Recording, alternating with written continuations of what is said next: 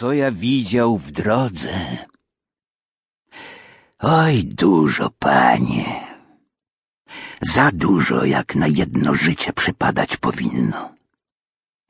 Los widać taki w gwiazdach zapisany mnie został. I dzisiaj pan chcesz, żebym ja o tym wszystkim opowiedział, com widział i przeżył, czasy one z pamięci przywołując.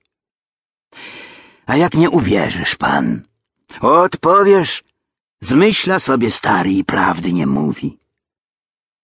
Zawsze boję się o to, kiedy tamte lata wspominać muszę. Ci, co życia sowieckiego nie znają, uwierzyć nie będą chcieli w historię moją, kłamstwo jej zarzucając. Taka ona opowieść ta, do prawdy niepodobna będzie, do uwierzenia trudna. Raz tylko, panie, tam i w Rosji przydarzyło się, że obawa ta odeszła mnie hen, a sprawił to pewien stary Tatar, Bułam Uły. W czasie wypasu bydła na stepie altajskim blisko góry, co Biełuchą nazywała się. Podszedł ja wtedy do niego ze strzępkiem gazety w ręku i o tytoń poprosił. Dajcie zakurit. Stary siedział w kucki przy wejściu do swojego bałaganu i wpatrywał się w niewielki ogień z badyli stepowych palony.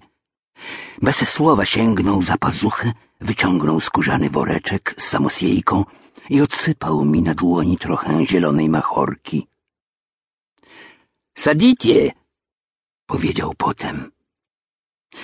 Palili tytoń chwil parę w milczeniu, aż słońce o czubki gór zawazać je zaczęło kulą czerwoną, co już ciepła ani blasku nie daje.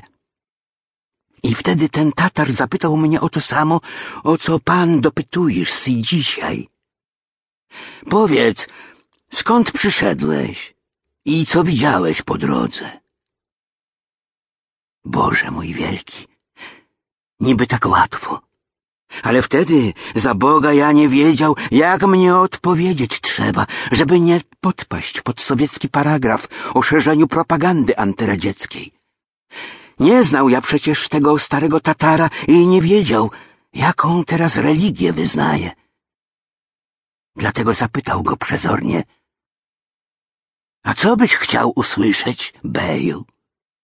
Co cię interesuje?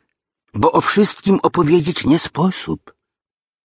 Pamięci by zabrakło i czasu nie starczyło.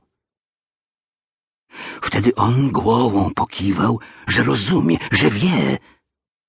Przez chwilę ssał swoją fajkę w ogień zapatrzony, a potem powiedział.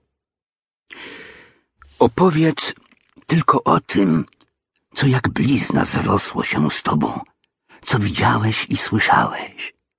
Wieczór tedy prędzej nam zleci. Tak i zaczął ja opowiadać przy ognisku jego siedzący, ale mówił ostrożnie, oględnie słowa dobierając, tak jak w Związku Sowieckim mówić się nauczył, tyle, że stary nie dał się oszukać. Nie, nie, zawołał. Nie chcesz? To nie mów. Albo mów prawdę. Tylko prawdy stare uszy słuchać mogą. A uwierzysz w nią, Beju? W tę prawdę do prawdy niepodobną. Uwierzysz? Wtedy on powoli schylił się do ognia, wyciągnął żarzący si węglik i wsadził go do swojej fajki. Kilka razy nią pyknął, aż tytoń rozpalił się, rozżarzył i dopiero powiedział.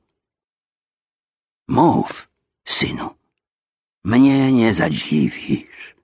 Ja znam prawdę o Bolszewi. Tak właśnie powiedział w tamta pora stary Tatar Bułam Uły, gdy siedzieliśmy przy jego ognisku w czasie wypasu bydła na stepie altajskim i tako i dzisiaj, jak jemu wtedy, opowiadać zamiaruje o wszystkim, co mnie w pamięci zachowało si, co zrosło si z nią jak blizna.